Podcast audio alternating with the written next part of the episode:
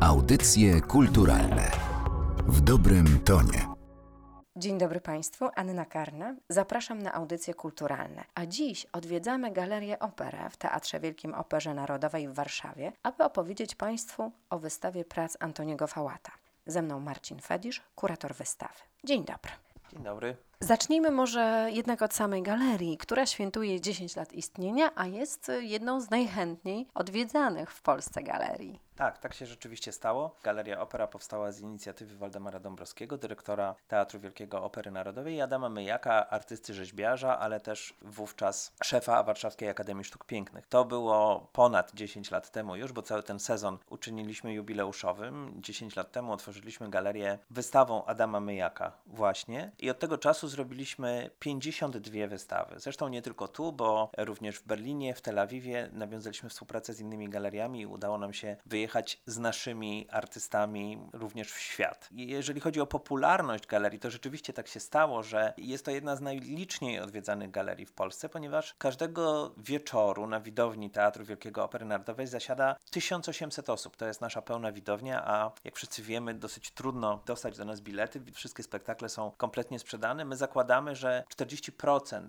osób tej widowni odwiedza galerię Opera w antraktach, które zazwyczaj trwają około 20 do 30 nawet minut. I w ten sposób przez 2-3 miesiące, tyle zazwyczaj trwają u nas wystawy, każdą z wystaw widzi ponad 50 tysięcy ludzi. Także jest to wynik naprawdę imponujący, jak na warszawskie możliwości. Dziś opowiemy Państwu o pracach Antoniego Fałata, który z całą pewnością należy do najciekawszych polskich artystów. Jego prace pokazywane były na dziesiątkach wystaw indywidualnych i zbiorowych, albo malarstwo, albo nic. To było hasło grupy Out, którą współtworzył Antoni Fałat. Jak to hasło wpisuje się w malarstwo artysty? Jakie jest malarstwo Antoniego Fałata? To jest bardzo osobne, właściwie nieporównywalne z niczym i z żadnym innym artystą, z którym w tym czasie mieliśmy do czynienia. Antoni urodził się w 1942 roku, studiował w Warszawskiej Akademii Sztuk Pięknych. Jego profesorem, zresztą ukochanym i wielkim idolem był Aleksander Kobzdej. Zresztą tu na wystawie,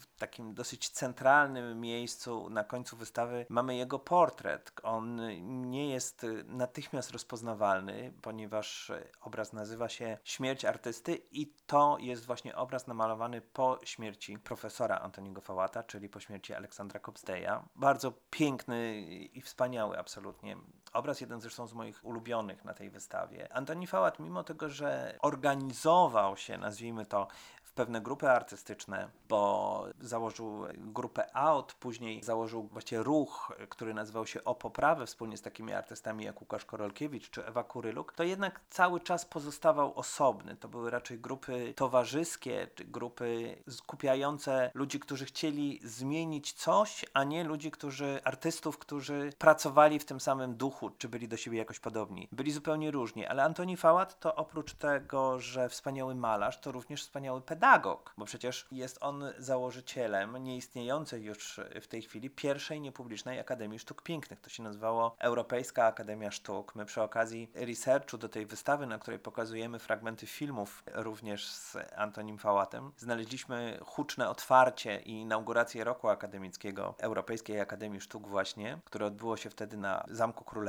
To były takie no, dosyć specyficzne czasy zmian ustrojowych, początek lat 90. Tam wypowiadają się właśnie przyszli studenci, że zastanawiali się, czy zainwestować te 30 milionów w rok szkolny, ale uznali, że warto właśnie między innymi ze względu na wspaniałych profesorów, czy na osobę Antoniego Fałata, który był rektorem tej uczelni. Uczelnia nie przetrwała, ale wielu wspaniałych e, artystów, absolwentów oczywiście tak. U Antoniego Fałata nie tyle wydaje mi się ważne są barwy, co to, co jest na obrazie. Właściwie centralnym jego zainteresowaniem jest człowiek. On maluje głównie ludzi. Nie znajdziemy u Antoniego Fałata pejzaży, abstrakcji. On zawsze zajmuje się człowiekiem, głównie kobietami, bo jego dom jest pełen kobiet, co nie pozostaje oczywiście bez wpływu na jego twórczość i jest wielkim szczęściem dla artysty, który ma wspaniałą żonę i dwie córki, które zajmują się jego twórczością. Pan Antoni od kilku lat nie maluje, natomiast rodzina dba o to, żeby jego twórczość była jak najbardziej dostępna i znana. W centrum jego zainteresowań jest człowiek, głównie kobiety, to są głównie portrety, ale rzeczywiście jeśli chodzi o paletę barw, jest ona oszczędna. To są głównie czernie, szarości, trochę błękitów. Nie są to jakieś rozwrzeszczane kolory, chociaż i takie się zdarzają, bo mamy na wystawie jednego psa, który jest na bardzo jaskrawym, żółtym kolorze. My musimy tutaj trochę opowiadać o malarstwie, bo nas nie widać, tylko słychać, ale wspaniale jest mówić o kolorach, których nie widać i trzeba sobie wyobrazić. Ten żółty jest taki niesłychanie intensywny. On jest pomiędzy jaskrawym słońcem a cytryną. To jest jedyny obraz, który taki udało mi się znaleźć w archiwum artysty, bo wszystkie te prace, które pokazujemy tutaj na wystawie w Galerii Opera, to są prace pochodzące z archiwum artysty. Prace, które zostały u niego w domu, nie zostały sprzedane, nie poszły jeszcze w świat, co pewnie niedługo się wydarzy. Kobiety, o których mówisz, to przede wszystkim są jego bliskie kobiety, które poznajemy poprzez sztukę. I co ciekawe, te wszystkie inne kobiety, nieznane, anonimowe, są zupełnie różne. One nie mają nawet pewnych cech osobowości. Rzeczywiście tak. Prace, które mamy tu w galerii, to są głównie kobiety bardzo mu bliskie. To są córki, to jest żona, która akurat nie jest namalowana, a jest y, pokazana na gobelinie, bo pokazujemy też gobeliny, czyli technikę właściwie kompletnie już zapomnianą, a jak twierdzą niektórzy historycy sztuk, wkrótce znów bardzo modną, pożądaną przez kolekcjonerów i przez młodych artystów. Także te kobiety są znane, ale mają w sobie zawsze jakiś taki pstryczek, takie coś dziwnego. Na przykład mamy wspaniały obraz Julia, to jest córka artysty, która miała wtedy myślę 10 lat i kiedy spędzali wakacje w ich wiejskim domu, przychodził ksiądz i zostawił taką sutannę jakby białą i ona na chwileczkę to założyła i pan Antoni to zauważył, pstryknął jej zdjęcie i z tego powstał właśnie obraz córki przebranej w takie coś trochę dziwnego tak naprawdę, co jest pomiędzy bajką, a nawet horrorem. W każdym razie nie jest to uroczy portret dziewczynki, a coś takiego, co ma w sobie drugie dno. Wszystkie te obrazy mają w sobie coś drugiego, coś innego, coś niespodziewanego, coś, co na pierwszy rzut oka właściwie nie jest widoczne. David Lynch mówił, opisując swoje filmy, że sowy nie są tym, czym się wydają. Trochę tak jest z malarstwem Antoniego Fałata. Te sowy rzeczywiście nie są tym, czym się wydają. Na pierwszy rzut oka to jest po prostu portret, podchodzimy bliżej i widzimy te różne niespodzianki, które ukrył malarz w obrazie. Czasem to jest mrugnięcie oka, czasem to jest jakiś gest, czasem to jest jest jakiś rekwizyt y, gdzieś tam ukryty. To jest zawsze coś więcej niż tylko sam portret. Ciekawym jest, że kiedy patrzy się na te obrazy, ma się natychmiast skojarzenie ze spojrzeniem fotografika. Często te postaci są jakby żywcem wyjęte z fotografii, i tu możemy powiedzieć o tym, że fotografia od początku twórczości była jedną z największych inspiracji artysty. Tak, artysta malował na podstawie fotografii. Czasem na podstawie fotografii, które sam robił, czasem fotografowali dla niego wybitni fotografowie, jak na przykład Tadeusz Rolke, który kilka dni temu opowiadał historię, jak fotografował kobiety dla Antoniego Fałata do malowania właśnie. Przy czym nie był to taki czysty fotorealizm, przeniesienia fotografii na płótno. Tam zawsze było w tym coś więcej, coś dołożonego. To nie było takie fotografia przemalowana jeden do jeden jak w fotorealizmie właśnie. To jest dosyć duża wystawa. Te przestrzenie na to pozwalają. Jakiego wyboru prac dokonałaś? Tu w Galerii Opera, jak mówiliśmy o jubileuszu, staramy się, żeby to była galeria przyjazna artystom. Nie chcemy narzucać im żadnej swoich wizji, choć nie ukrywam, bardzo mocno ingerujemy w przestrzeń, ingerujemy w to, jak te prace są pokazane, bo wydaje nam się, że miejsce, jakim jest Teatr Wielki i Opera Narodowa, trochę do tego zobowiązuje. My tutaj w galerii możemy pozwolić sobie na więcej, możemy bardziej zainscenizować, trochę zinterpretować obrazy, które pokazujemy. Natomiast jeśli chodzi o sam wybór, staraliśmy się pokazać twórczość Antoniego Fałata bardzo przeglądowo, czyli rozpoczynamy od bardzo wczesnych prac, jeszcze z lat 60., takich obiektów, czyli obrazów namalowanych na kineskopach telewizorów. Mamy dwa takie obiekty, ale pokazujemy też gobeliny, które znajdowaliśmy w, po prostu w domu artysty, u córek yy, i udało nam się je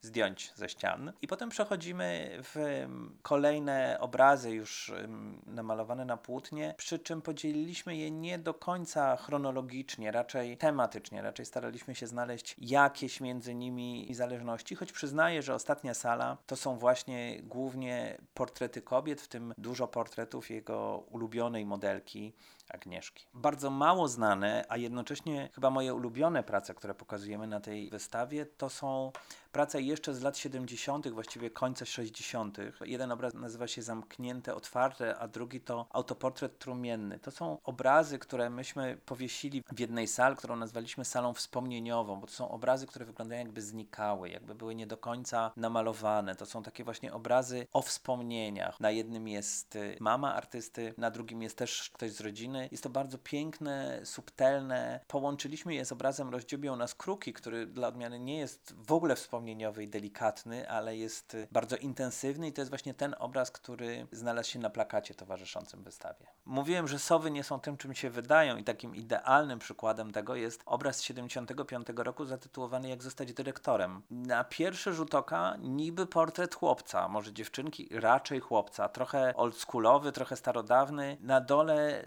zabaweczki, a tytuł Jak zostać dyrektorem. Jest w tym coś dziwnego, jest w tym trochę klimat jak z filmu Lśnienie, coś przerażającego, ale właśnie musimy się przyjrzeć, żeby to coś zobaczyć. Obraz, który bardzo lubię i też jest obrazem nie do końca jasnym na pierwszy rzut oka, to Rączka rączkę myje. Piękna, cudowna dziewczynka, trochę wystylizowana jak z lat 50., trochę może jeszcze z czasów międzywojennych. Trudno na pierwszy rzut oka powiedzieć. Miła, w takich dość przyjaznych kolorach, szaro-błękitnych, ale jak zobaczymy ręce dziewczynki, to widzimy, że one wykrzywione są w jakimś takim przedziwnym geście. Z jednej strony oczywiście, co sugeruje tytuł, Rączka rączkę myje, ale z drugiej strony jest to gest bolesny, jakiś taki naprawdę właściwie przerażający, dojmujący i jak widać nie do końca chodzi tylko o ładny portret. To jest jeszcze to coś, co widz może sobie za każdym razem dopowiedzieć. Przygotowując wystawę przeszukaliśmy archiwum artysty w jego domu, w pracowni w Warszawie, w pracowni na wsi, gdzie pracuje, gdzie kiedyś odbywały się plenery Warszawskiej Akademii Sztuk i w pewnym momencie zdałem sobie sprawę, że właściwie mamy same kobiety. Wzięliśmy co prawda dwóch znajomych mężczyzn, ale jakoś w ogóle nam się to nie układało, więc w gruncie rzeczy na wystawie mamy dwóch mężczyzn. Jeden to jest Aleksandry Kobzdej, o którym już mówiłem, a drugi to jest autoportret samego artysty. Autoportret namalowany na podstawie zdjęcia zrobionego na wakacjach w Grecji, co zresztą widać, bo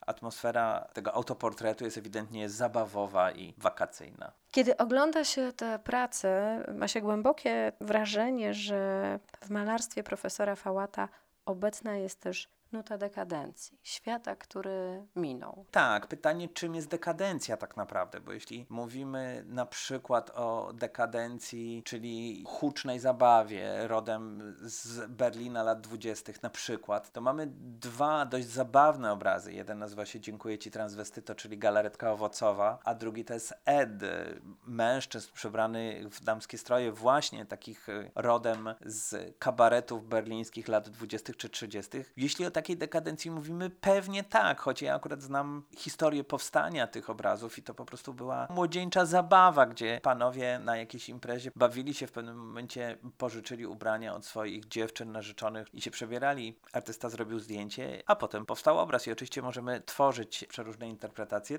To przede wszystkim są naprawdę dobre obrazy. To, co podkreśla niezwykłość tych prac, to e, świetna aranżacja wystawy i muszę powiedzieć, że to, co bardzo mnie poruszyło, to to, że emocje, które wywołują obrazy są podkreślone właśnie przez wnętrze, które przygotowaliście. Przede wszystkim chodziło nam o to, żeby sposób ekspozycji, który stworzyliśmy wspólnie z Anią Skołożyńską Ciecierą, był podkreśleniem tego, co chce powiedzieć artysta. Największym podziękowaniem jest, kiedy artyści tu przychodzą i mówią, tak, właśnie tak miało być. I właśnie ta, ta na przykład pierwsza sala, w której mamy ustawione telewizory mamy takie niby właściwie pokoiki, troszeczkę oldschoolowe z dawnych czasów, w których można sobie usiąść i zobaczyć filmy z panem Antonim, są właśnie takim mrugnięciem oka, takim trochę przeniesieniem nas w tamte czasy, w których te obiekty powstawały. Natomiast w aranżacji rzeczywiście ważne jest to, żeby podkreślić sposób myślenia artysty, żeby nie zabić dzieła, a pokazać je w trochę inny sposób. Dlatego to, co zrobiliśmy w ostatniej sali, czyli właściwie prześwieciliśmy kompletnie neonowymi światłami wszystkie obrazy, paradoksalnie mogłoby się wydawać, że one znikną, a nie, stało się właśnie odwrotnie. Pan Antoni tutaj przyszedł i mówi, ten obraz wisiał u mnie w domu na takiej białej ścianie, od jutra muszę ją przemalować, no po prostu jak mi je oddacie, będzie różowa, no to wygląda super, także to jest chyba największa radość, kiedy artyści tu przychodzą i są zadowoleni. Powiedziałeś, że Antoni Fałat od kilku lat nie rysuje. Czy malarz powiedział już wszystko, co chciał? Miejmy nadzieję, że nie, dlatego że pan Antoni za każdym razem, kiedy się spotykamy, odgraża się, że jak tylko wróci do formy, zacznie malować, także płótna gotowe stoją i czekają na sztalugach. Artysta ma dopiero 80 lat, więc bez przesady. A tymczasem w oczekiwaniu na kolejne nowe płótna polecam Państwu to, co mamy tu zgromadzone w Galerii Opera w Teatrze Wielkim Operze Narodowej. Pokazujemy ponad 50 prac artysty Antoniego Fałata. Wystawa czynna jest od wtorku do niedzieli w godzinach od 10 do 17 oraz w antraktach. Zapraszam do końca czerwca. Bardzo dziękuję za tę rozmowę. Gościem audycji kulturalnych był Marcin Fedisz, kurator wystawy prac Antoniego Fałata w Galerii Opera. Dziękuję i zapraszam. Audycje kulturalne w dobrym tonie.